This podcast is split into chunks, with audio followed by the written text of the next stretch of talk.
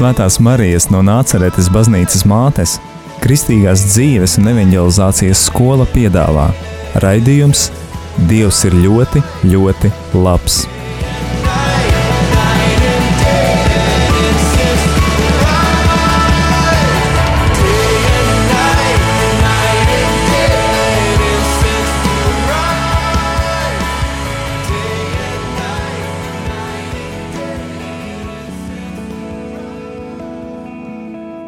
Labvakar, Dievam, dārgie radījumi, arī klausītāji. Ir pirmdienas vakars, un šovakar ar jums kopā esmu es Mārīte. Esmu Aglonā un uz sarunu esmu aicinājusi kādu ģimeni, agloniešu ģimeni, un tie ir labvakar, mani sauc Renāte. Labvakar, mani sauc Pāvils. Jā, un Renāte ar Pāvelu ir piekrituši liecināt par to, kā viņi katrs ir saticis Dievu un kā Dievs ir ienācis arī viņu ģimenē, un kā ir tapusi šī ģimene, izveidojusies un kā rit šī ģimenes dzīve tagad. Šis raidījums top ierakstā. Mēs esam kādā ļoti īpašā vietā. Es atklāšu mūsu radiokamā arī klausītājiem. Mēs šobrīd esam Aklonas bazilikas pāvesta istabā. Jo ir tādi laiki, kad eh, joprojām mēs eh, nevaram, nevaram tā tikties brīvi. Tāpēc esmu izvēlējušies tādu neitrālu telpu. Nu, bet nekavēsimies liekās sarunās. Mēs jau esam vienojušies, ka pirmā liecinās par to, kā viņa satikusi Dievu un kas ar viņu ir noticis. Renāte, lūdzu. Es esmu dzimusi un augusi Aglonā, kristīgā ģimenē. Mūsu ģimene jau kopš bērnības kopā ar vecākiem es apmeklēju svētās mises. Lūdzos arī bērnībā, nu, kā pratu, kā sapratu. Bērnišķīgas bija arī sarunas ar Dievu. Bija izveidojis arī savu altāri, kur lūdzos. Taču tad, kad nāca pusauģa gadi, tad kaut kā arvien vairāk attālinājos no Dieva. Sākās ballītes, un nē, tad kaut kā pienāca tas brīdis, kad šķita, nu, ka pasnīcas mācība ir novecojusi, nav vairs aktuāla. Un, un, tad es pēc vidusskolas beigšanas aizbraucu studēt. Tad tas bija vēl tālāk no dieva. Tad es pavisam reti jau apmeklēju dievkalpojumus. Arī, kad aizbraucu darbā uz ārzemēm, nu, tad manas attiecības ar Dievu bija pavis, pavisam tādas attālinātas. Uh, bija kaut kādas lūkšanas, vakara lūkšanas, uh, bet tajā pašā laikā nu, es nemeklēju Dieva gribu. Un es nemeklēju tādas dziļākas attiecības ar Dievu. Uh, bija iekšā tāds jautājums, izmisīgs jautājums, kāpēc es šeit esmu. Un nevarēju nekur arī rast to atbildību. Un tad bija tā, ka es biju ārzemēs, un es kāpēc es līdzi ņēmu svētos rakstus, tādu mazu nu, bībelīti, ko man vidusskolā uzdāvināja. Un tad vienā dienā es viņu pacēlu, un es domāju, nu, es esmu katoliete, bet es neesmu nekad izlasījis svētos rakstus. Biju lasījusi nu, bērnu bībeli bērnībā. Uh, bet tā pieaugušo bībeli nekad nebiju lasījusi. Un tad man nāca tāds, tāds iedvesma, es gribu izlasīt. Es lasīju no vāka līdz vākam, neko nesapratu, bet lasīju. Un tad pašā beigās uh, tur bija kāda lūkšana. Es varbūt varu nolasīt, viņa nebija gara. Ja. Līdzi. Um, tur bija mans lēmums pieņemt Kristu par savu glābēju. Es atzīstu savu grēcīgumu Dieva priekšā. Es ticu, ka Kungs Jēzus Kristus manu grēku dēļ ir miris pie krusta un ka Viņš ir augšām cēlies, lai es tiktu attaisnots. Es pieņemu viņu par savu personisko glābēju. Un tur vajadzēja uzrakstīt vārdu un datumu. Un pirmā reize, kad es to izlasīju, man liekas, nu, dīvaini, nu, es tur rakstīšu, tā, nu, nē, es noliku prom. Un pēc kāda laika es atkal paņēmu, nu, nu neuzrakstīšu. Es uzrakstīju, tas bija tā 2007. gads, aprīlis. Un tā es aizmirsu. Un tad notika sakrita dažādi apstākļi, kas atgriezos Latvijā. Un tad uh, Dievs mani sāka vadīt. Es satiku cilvēkus, kas bija saistīti ar ticību. Uh, viena sieviete, viņ, viņa bija masiere, viņa joprojām ir masiere. Un viņa tik skaisti prata masējot evangelizēt. Nu, viņa sāk stāstīt par miču koriju, par rožu kroni. Un tas man tā uzrunāja, ka es sāku lūgties rožu kroni, kas man kādreiz bija ļoti gara un tāda garlaicīga lūkšana. Uh, Es sāku apmeklēt svētās mises, uh, līdz arī es aizbraucu sep- 2007. gada oktobrī uz Meģikoriju. Tur bija kavēņa klusuma rekolekcijas. Uh, Tas sveceļojums man bija kaut kas pavisam pārsteidzošs, jo tur visi kopā lūdzās autobusā. un Tas bija nepieredzēts kaut kā. Kas, uh, un tur bija arī līdzi pavadīja priesteris, mūsu grupiņa priesteris Arnis. Un arī viņš mani pārsteidza kā priesteris, ka viņš bija tik vienkāršs un, un nu, jā, kā viņš runāja. Un tikai tad, pēc kāda laika, es atskārtu, nu, atradu tos svētos rakstus un to parakstu. Es sapratu, ka caur to, ka es, nu, cik tas bija apzināti, neapzināti, uzticēju savu dzīvi Jēzum, ka viņš mani sāka vadīt. Es ā, aizgāju pie grēksūdzes, kas man nebija daudzus, daudzus gadus, jo es dzīvoju ārlaulības attiecībās. Un tā pamazām, pamazām viss sāka kārtoties. Jā, kad es atbraucu no Meģikorijas, es biju tik ļoti nu, mainījusies mana dzīves vispār uztvere.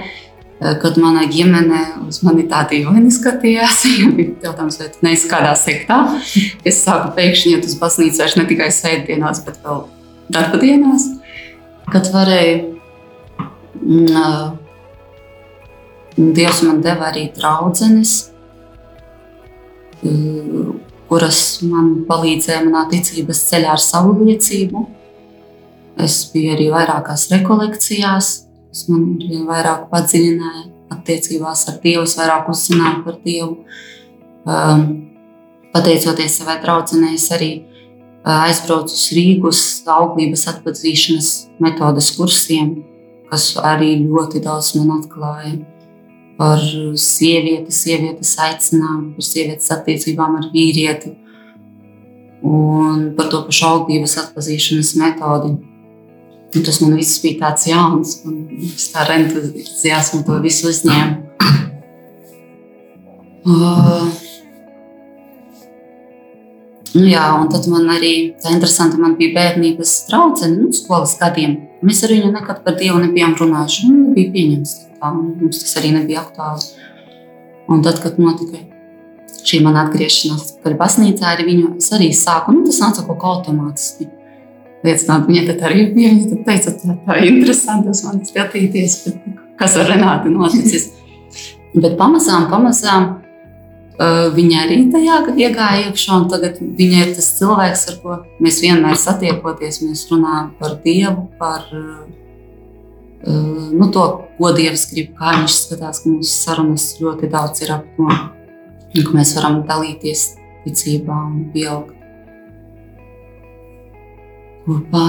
Nu, Jā, tas laikam visos vilcienos par mani atgriešanos un to, kā Dievs ir darbojies. Un es ticu, ka tur noteikti bija arī lūkšanas, manas mammas lūkšanas un citu cilvēku lūkšanas, kas redzēja, kas neju to pareizo ceļu un kas lūdzās par mani.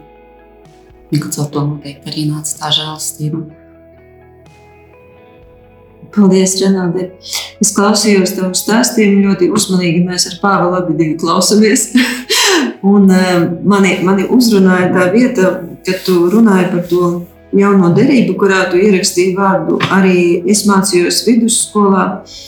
Un es arī tagad aizdomājos, ka īstenībā tā laikam bija pirmā reize, kad es arī nu, nevis, um, nevis tad, kad es jau atgriezos pie Dieva un pieņēmu Jēzu par kungu un glābēju tā publiski, bet tā laikam tiešām bija šī pati grāmatiņa, kurā arī es biju ierakstījusi vārdu.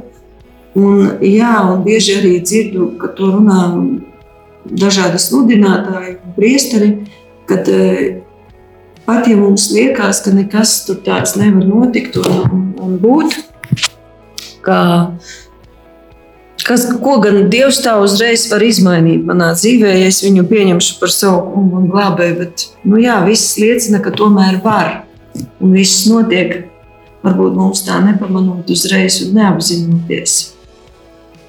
Nu, jā, tas vairāk laikam pamanāms tie Dieva darbs mūsu dzīvē, kad mēs atpakaļ paskatāmies. Jo tagad šajā brīdī jau mēs to tā nejūtam. Jo. Dievs tiešām ir ļoti lēnprātīgs, viņš to tā saucīgi un pamazām vada. Jā. Kāds Pāvēl tavs bija ceļš pie Dieva? Mans ceļš pie Dieva. Es esmu dzimis audzis ģimenē, kur ir praktizējuši katoļi. un Visa mana bērnība un jaunība ir bijis nu, saskarsmē ar baznīcu, ar, ar, dievkalpojumiem. Līdzīgi kā laikam, daudziem, arī man pusauģa vecums. Tad arī es nonācu tādās izvē, izvēlēs, kā, kā es savu dzīvi izdzīvoju.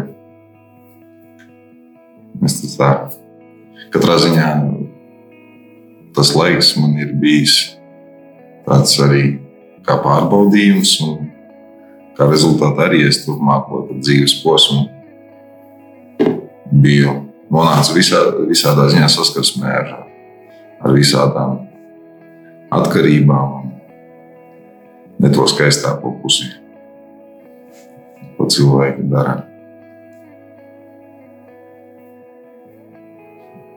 Kādu laiku dzīvoju Latvijas otrā pusē. Un, un, tur arī, arī man bija ārlaudības attiecības, kuras bija iecerētas, ka viņas eh, pār, pārtaps eh, sakramentālā laulībā, bet tas nenotika.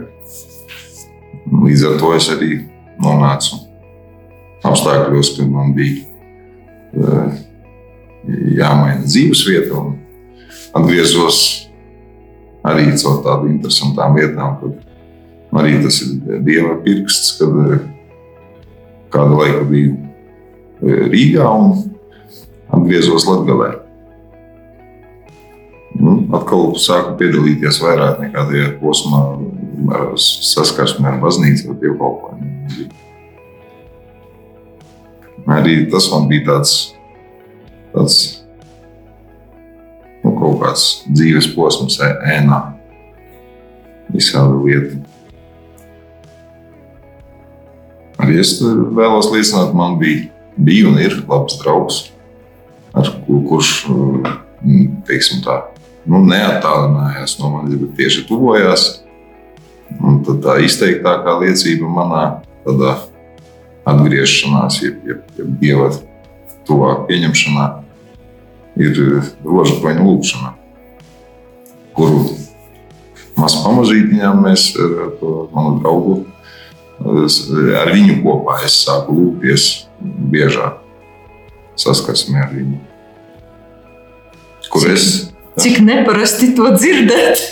Man liekas, rožu kronis vairāk tāds mei- meiteņu lūkšana, bet, nu, kad vīrieši to lūdzas, es tiešām Nu, tas viss bija caur, caur sarunām, caur Slava tādām- Dievam. Paldies Dievam! Tur t- t- tas posms dzīves tāds arī man izveidojās, kad es no dažām lietām sāku tā atturēties, kuras es līdz tam darīju. Es domāju, ar tām mēnesi pusēm. Mm. Tādā veidā tur es saskatu tādu kā mazu brīnumiņu, kas notika ar mani caur rožu koņu lūkšanu. skaisti.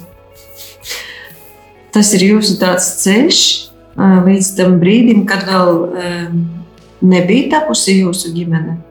Tas bija pirms. Tas bija pirms. Labi, tad šobrīd mēs uz mazu brīdi ņemam mazu pauzi, dodamies muzikālajā pauzē un pēc īsa brīdiņa atgriezīsimies raidījumā ēterā.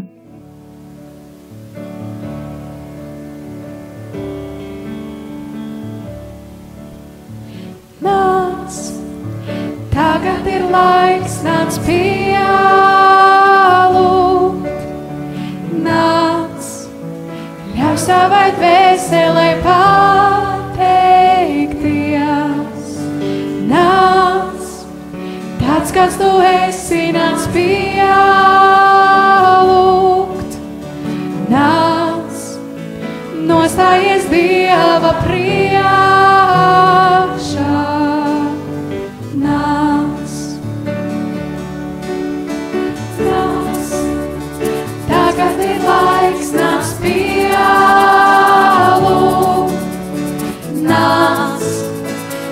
Savai dvēselē pateikties,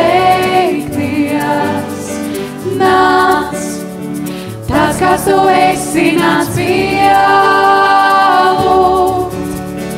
nāc, nostājies Dieva priekšā.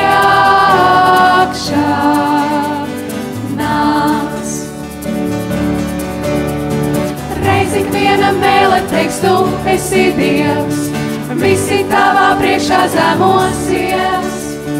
Tomēr paliek lielākais ieguvējs, kas izvēlas tulīt. Reiz ik vienam mēlē teiks, tu esi Dievs, visi tavā priekšā zemosies. Tomēr paliek lielākais ieguvējs, kas izvēlas tulīt.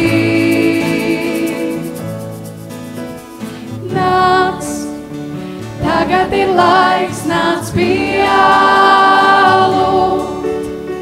Nāc, nāc, ļauj savai dvēselē pateikties. Nāc, nāc, tāds kāds tu esi, nāc pieaugt. Nāc, nāc, nostājies Dieva priekšā.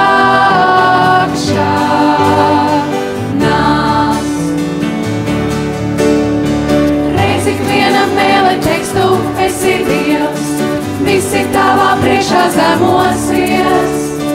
Tomēr paliek lielākais ieguvējs, kas izvēlas tulīt.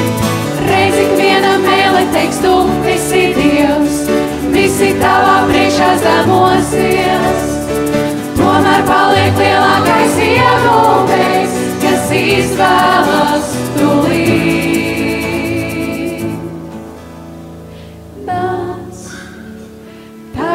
Laiks, nāc pieaugt.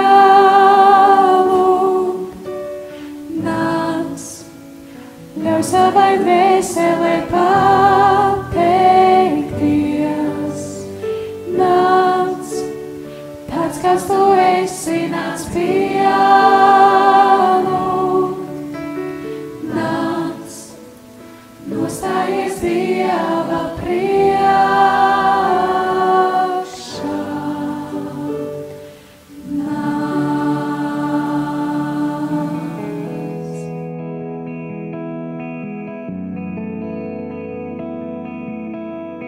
Ir izskanējusi dziesma, un esam atpakaļ ēterā. Tu, radio Mariju klausītāji, šobrīd klausies raidījumu. Dievs ir ļoti, ļoti labs. Un turpināsim sarunu ar Renātu un Pāvelu, bet sarunas otrajā daļā mēs vienojamies, ka mēs runāsim par jūsu ģimeni. Tātad jūs, kā es jau pajautāju, jūs atbildējāt, ka jūs um, atgriezāties pie Dieva, satikāt Dievu, sākās ve- veidoties attiecības ar Dievu, bet jūs vēl viens otru nepazināt. Tātad tas bija. Tas ir ļoti skaisti, ka jūs pirmo satikāt Dievu, nevis viens otru. Tad varēja būt savādāk, kā tajās pirmajās attiecībās. Nu, tad ko?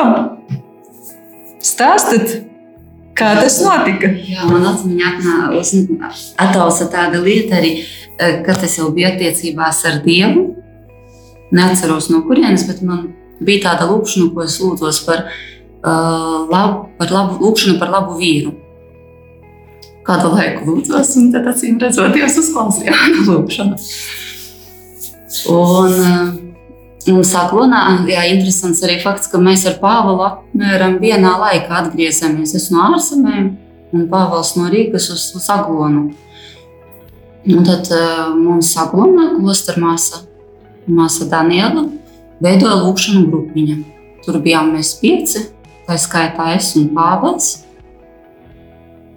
Un tad kaut kā Pāvils mani bija paaicinājis uz tikšanos. Mums sāka pievērst uzmanību caur ko, caur ko saskarsmi, caur lūkšanu grupiņām. Jā, tad mēs pasnīcas laukumā gājām, dedzinājām sveces. Tur bija tāda sveču vieta, pie Romantika. Jā. Un Pāvils man sūtīja ziedus ar savu draugu un konfliktus. un no sākuma es tā, nu, patiesībā neredzēju, ka mēs varētu būt kopā, bet kaut kā sirdī jūtu, ka Dievs man aicina satikties ar viņu. Nezinu, kāpēc, jūtu, ka mums jāsatiekas. Tā mēs runājāmies, līdz brīdim es sajūtu, ka man ir kaut kas šajā cilvēkā saista, ka mums ir kaut kas kopīgs.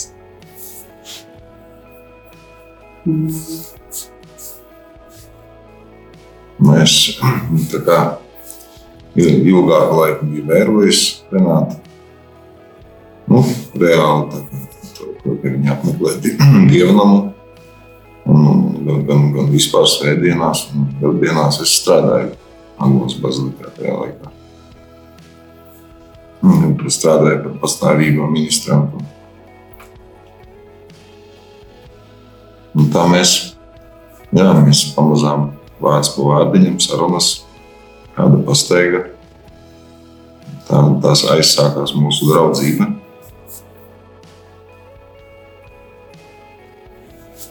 Nu, romantiski tā bieži nenotiek, ka baznīca. Dievs visu sakārto. Es tagad klausos jauniešus pazīstamus. Viņi bieži vien saka, ka baznīcā ļoti grūti atrast vīru vai sievu. Bet tomēr var.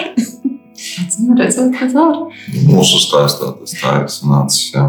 Tad mēs sākām arī kopā lūgties rožu kroni, kas mums ir iegājis katru dienu. Joprojām ģimenē arī mēs lūdzāmies.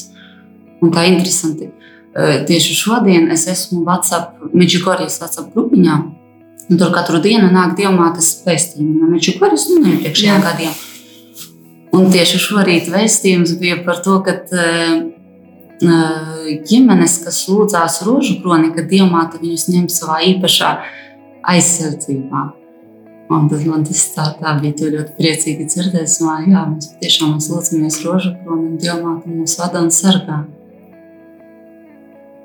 Caur visiem mūsu cilvēciskām vājībām, un visu kas kritieniem, kopieniem. Tā mēs turpmāko mēnešu laikā gan, gan kaut kur aizbraucām, tur arī bija mums arī tur opera apmeklējām. Tā, tā mēs tur pamazām, pamazām nonācām līdz brīdim, ko Renāte grib pastāstīt, kā skaistu laikam viņa tā skaisti Romantika, romantika gribam dzirdēt arī. Um, tas diezgan ātri notika, jo mēs laikam augustā, kāds bija, kad mēs sākām tikai tikties, runāties. Un tad oktobrī Pāvils mani bildināja. Oh, Un tas notika tā ļoti īpaši. Es biju Basilikā uz adorāciju, sakramenta priekšā, un adorējām, un tad Pāvils atnāca. Un tad viņš man jautāja, vai tu piekristu būt par manu sievu un par manu bērnu māti. Un man sirdī bija tāda pārliecība, ka tas ir cilvēks, ko, ko Dievs man ir izvēlējis. Man nebija tādu šaubu. Es atbildēju, jā. Un tad novembrī mēs aizbraucām pie Bīskapa Latvijas. Bijām tur jau Tas bija tāds svinīgs sadarināšanās. Saņēmām svētību savai iecerētai savienības dibināšanai. Tad sākām gatavoties laulībai. Mēs lasījām gudras grāmatas, un bija sarunas ar priesteriem. Tādā centāmies tam sagatavoties mūsu notikumam. Nu, kā jau skaisti, nu, laba grāmata, ko mēs paši piecas mīlestības valodas. valodas. Tas pats ir tāds savarījis knots, Mm, Seks, kādu jūs nevarat iedomāties. kaut kas tāds arī. Tādas- brāļa grāmata. Viņš pamatojoties uz sarunām ar laulātiem pāriem, ir izveidojis to grāmatu par seksuālām attiecībām, kas ir saskaņā ar dieva gribu. Jā, Laiks skrēja, un pienāca mūsu iecerētais laiks, kad, kad sa- saņem paulības sakramentu. Tāpat Aglonā mēs apmeklējām pasaules apmācību kursus pie draudzes prāvesta.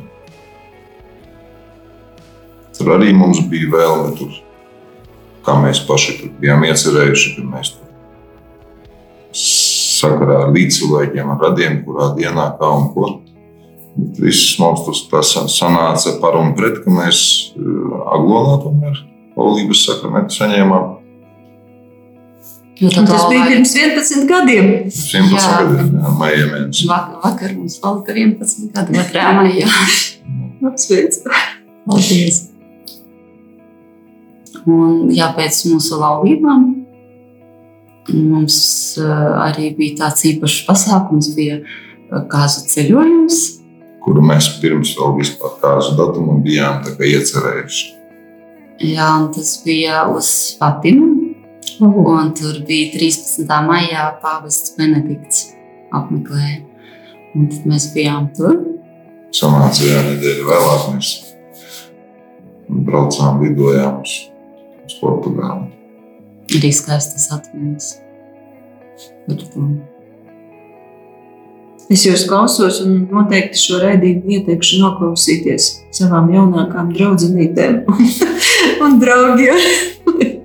Lai viņi ilgojas pēc, pēc tādām attiecībām, kas tiešām nu, pirmajā vietā ir Dievs, un pēc tam pārējo visu Dievs ļoti skaisti sakārto. Un, Tiešām, jā. un šobrīd jums, eh, kuram gan labāk zināms, ka jums ir ļoti skaista kupla ģimene, kura arī apmeklē šo telpu un eh, nodarbojas labā gana katehēzē.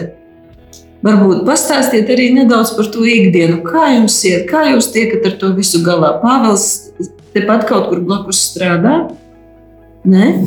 Tur strādājot, pa šoferi braucu tajā neatliekamās palīdzības dienestā. Kā mums klājas? Dzīvojam mēs labi, brīžiem, labāk brīžiem, ne tik labi. Attiecībās ar bērniem tas ir tas lielākais pārbaudījums, Izaicinājums. izaicinājums. Jā. Viņi mūs audzina, mēs viņus Kurš kuru? uz kuru. Bet, nu, cenšamies būt draudzībā ar Dievu. Caur ko arī ceru, tā vismaz saskatu, ka mēs smeļamies. Un es, kā, kā es saku, priecīgāki brīži ir ne tik priecīgi. Es esmu pa mājām. Kopš pieciem otrais eh, bērniņš es nestrādāju. Tagad mums ir četri bērni. Tā es esmu mājās pieskatāms ar mājas darbus. Un, nu, jā, ir tie ir tiešām grūti brīži, emocionāli grūti brīži. Šķiet, vajadzēja mēs pirms laulībām gatavojamies nu, vairāk tādām sievas vīra attiecībām. Man šķiet, vajadzēja ļoti nopietni arī gatavoties par mātes un tēva lomu, jo tur nu, ļoti pietrūkst to zināšanu.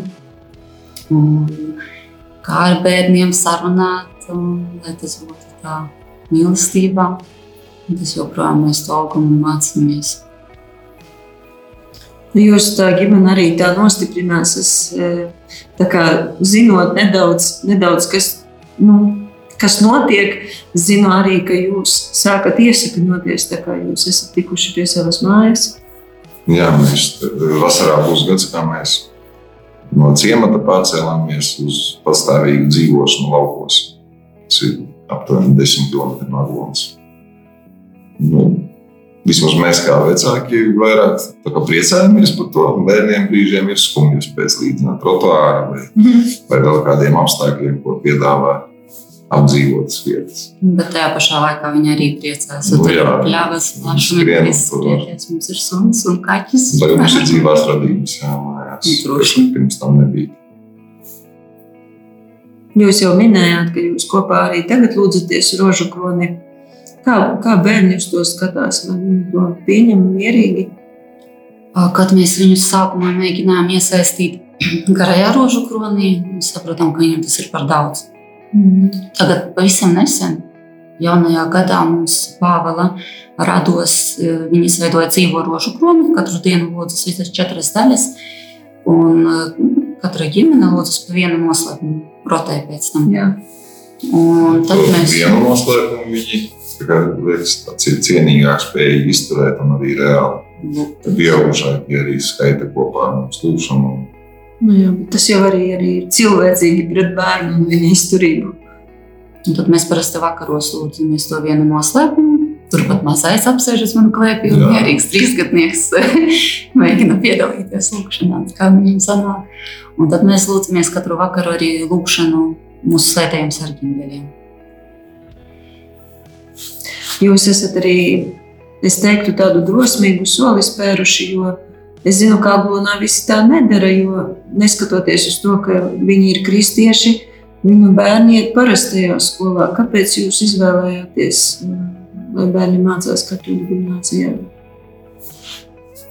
Mēs gribējām, lai bērniem veidojas šīs attiecības ar Dievu. Jo tur tomēr mēs arī pirms tam vēl bija pārunu pret, jo tā skoliņa bija ļoti maza. Un citi teica, nu, ka viņi tur nedabūs normālu izglītību. Bet visu saliekot kopā, mēs tomēr izvēlējāmies Aklanas katoļu gimnāziju. Un esam ļoti priecīgi par to, jo tur ir priesteris arī, kas piedalās gan svētkos, gan ikdienā. Viņiem ir rīta lūkšana. Un arī mācību ziņā mm, tur viss ir kārtībā. Kā es redzu, kā saprotu, ir brīnišķīgas skolotājas. Un patiesībā tās mazās klasītes varbūt pat skolotājs vairāk var veltīt to laiku un redzēt to katru bērnu, veltīt viņam uzmanību un palīdzēt dzīvot. Pamatā ticībā, cerībā, ka bērni pat ir vairāk nu, tiešām nonāks saskarsmē ar Dievu. Jā, tas tāds tālējošs, tālējošs skatiens. Un, un es domāju, ka pareizs skatiens bērnu audzināšanā šobrīd ir tāds laiks, varbūt ne visai veiksmīgs, lai to jautātu, bet tomēr es zinu, ka nu, kaut kas tomēr notiek. Kaut kādas lūkšanas grupas, kaut kādas varbūt zumos, vācijos, vēl kaut kur, kā jūs stiprināties. Jo nu, ir ģimene, ir daudz cilvēku, bet ir kaut kādi brīži, kad tomēr nu, vajag to kaut kādu klusumu, vientulību vai, vai citu vidi. Kā jūs, kā jūs teiksim, atkopjaties no, tā, no tās trakās ikdienas, jo nu, tas, nu, tas ir kā ir. Es, es jūs saprotu, man arī trīs bērni izauguši. Nu, ir grūti tiešām ikdienā, kad es esmu ar bērniem 24 stundas, dienā un naktis, un emocionāli tas izsmeļ. Un tad man pēdējā laikā es pasaucu, ka Pāvils man palaiž šos brīdi kaut kur projām. Viens es varu vai uz svēto misiju vai uz adorāciju. Tad bija pat uz divām diennaktīm, trim, kad Pāvils bija mani palaidis. Es varēju nedaudz atslēgties no tā. Un, un, un arī lūkšanu grupiņas, kas mums ir jau gads, vairāk kā gads. Tas arī tāds interesants notikums, kad es atbraucu no Midžigorjas, man bija sirdī ilgas pēc lūkšanu grupas. Mums tad izveidojās aglonā, bet kaut kā nu, lūkšana grupiņa, kurā mēs ar. Pāvilu bijām, bet kaut kā tur pajuka. Tā nekas nenotika, un es gaidīju, gaidīju, kad kaut kas notiks, un nekas nenotika. Un tad es saņēmos, es satikos ar priesteri Arni. Un kaut kā Dievs arī caur to sarunu visu sakārtoja. arī ar tevi, Mārīt, ka tu pieņēmi mani pieredzes apmaiņā, kad es biju jūsu lūkšanu grupiņu. Tad es redzēju, kā tas notiek dzīvē. Un tā mēs arī sākām lūgties Dagonā. Tad priesteris Daumans mums ieteica pamēģināt mātes lūkšanu grupu. Mēs satikāmies arī Rīgas mātes lūkšanu grupas meitenēm pieredzes apmaiņā, un tā mēs pārgājām uz mātes lūkšanu grupu. Mēs lūdzamies par saviem bērniem, uzticot mūsu bērnus Dievam. Un, nu jā, tad sākās tas vīrusu laiks, kad mēs vairs nevarējām klātienē lūgties. Bija ilgas tomēr satikties, bet pat es kaut kā nesadūšojos. Zināju, ka var lūgties atsakām. Taču man tas ļoti mulsināja, tas nu nē, caur ekrānu tas kaut kā jocīgi. Līdz kādu dienu man piezvanīja no Rīgas mātes lūkšanu grupas. Meitenes, vai, vai jūs negribētu pievienoties mums? Mēs lūdzamies Vācijā. Un tad es tā domāju, domāju, tad es nobriedu un es pievienojos viņām. Un man bija tāds prieks par to, ka mēs varam būt vienotas ticībā arī caur tam uh, ierīcēm, lai arī esam attālināti, lūkšanā kopā. Tad pievienojās no Aglonas lūkšanu grupiņas vēl meitenes. Un tad nesen mēs sadalījāmies Aglonas lūkšanu grupiņā. Mēs paši tagad atsevišķi lūdzamies uh, Vācijā. Un, jā, tas ir stiprinājums, stiprinājums ticībā, ka mēs varam kopā aizlūgt un uh, dalīties par svētajiem rakstiem. Jā, Pāvils arī par savu lūkšanu grupiņu. Mēs jau laiku, laiku iepriekš bijām, gan arī apmeklējot Aglonā ikgadējo svētā Jāzepa vīru. Tas tā bija rekolekcijas konferences. Mums Aglonā arī izveidojās, mēs vairāk vīri sanācām kopā un līdz tam saucamam vīrusu laikam mēs kā bija mums tikšanās iknedēļas. Tagad gan mums ir tā kā tāds arī pārtraukums noticis, bet nu, jādomā, jācer, ka mēs atkal at- atjaunosim kaut kā vai tad caur internetu vai arī dzīvē, kā vīri kaut ko sakustināsim un būs Tādā veidā arī ir patiesa tāda Es nu, tā iznāk. Cita vide, saruna, lūkšana, kur var smelties. Visu kaut ko dzīves prieku, gan arī tādu apziņu, ka mēs ir viens. Es aizmirsu padalīties par vienu lietu, ko mēs ar vīru gribējām padalīties. Par mūsu, tad, kad mēs jau apprecējāmies, man liekas, tas bija tas pats gads, 2010. gads maijā. Mēs salauzāmies un 15. augustā šeit, Aglonā, bija izstāde ar Svētā Jāņa Pāvila fotogrāfijas. Mm -hmm. Tad, skatoties tajā izstādē, mums bija liels pārsteigums, kad mēs ieraudzījām nu, to lielo bildi. Mēs neieraudzījām, mums Jā, mums pastāstīja, jā, lai mēs aizējām apskatīties. Un tad mēs aizgājām. Un tur bija Svētais Jānis Pāvils II, apkārt viņam jauniešu pulciņš. Un stāvēja aizstāta tā ir pa- un tieši man aiz muguras stāvēja Pāvils. Lai arī mēs tad viens otru vēl nezinājām, nepazinām. Nu, vienā ciematā dzīvojām, bet Jā. pazīstam nebijām. Un mums tas bija tik tā interesanti to redzēt, ka Dieva ceļi ir tik neiztuvinājuši. Jā, Jā. slavu un pateicību Dievam. Slavu Dievam. Tiešām klausos, klausos ar, ar lielu prieku un mīlestību jūsu stāstījumā. Slava Dievam! Raidījums tuvojas noslēgumam. Varbūt jūs gribat kaut ko novēlēt mūsu radio klausītājiem. Šobrīd, tagad. meklēt Dievu, meklēt attiecības ar Dievu. Jo pēc savas pieredzes zinu, ka tas ir ceļš, laikam, visas dzīves garumā. Un tad, lai mums un lai jums izdodas veidot šīs attiecības, padziļināt viņas, un lai izdodas mums visiem sasniegt mūsu galamērķi, mūžīgo svētlaimi debesīs kopā ar Dievu. Amen. Amen. Amen. Paldies! Paldies jums par šo brīnišķīgo sarunu. Paldies, ka atsaucāties. Tiešām svētīgi un skaisti. Paldies arī tev, dārgo radio klausītāji, ka šajā laikā bija kopā ar mums. Lai Dievs jū- jūs un mūs visus svētī un sargā. Un tiekamies citā reizē ar Dievu. Ar Dievu. Ar Dievu.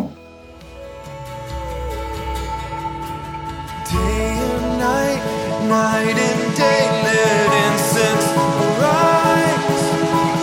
Day and night, night and day let... Svētās Marijas no Nāceretes baznīcas mātes, Kristīgās dzīves un evanģelizācijas skola piedāvā raidījums Dievs ir ļoti, ļoti labs.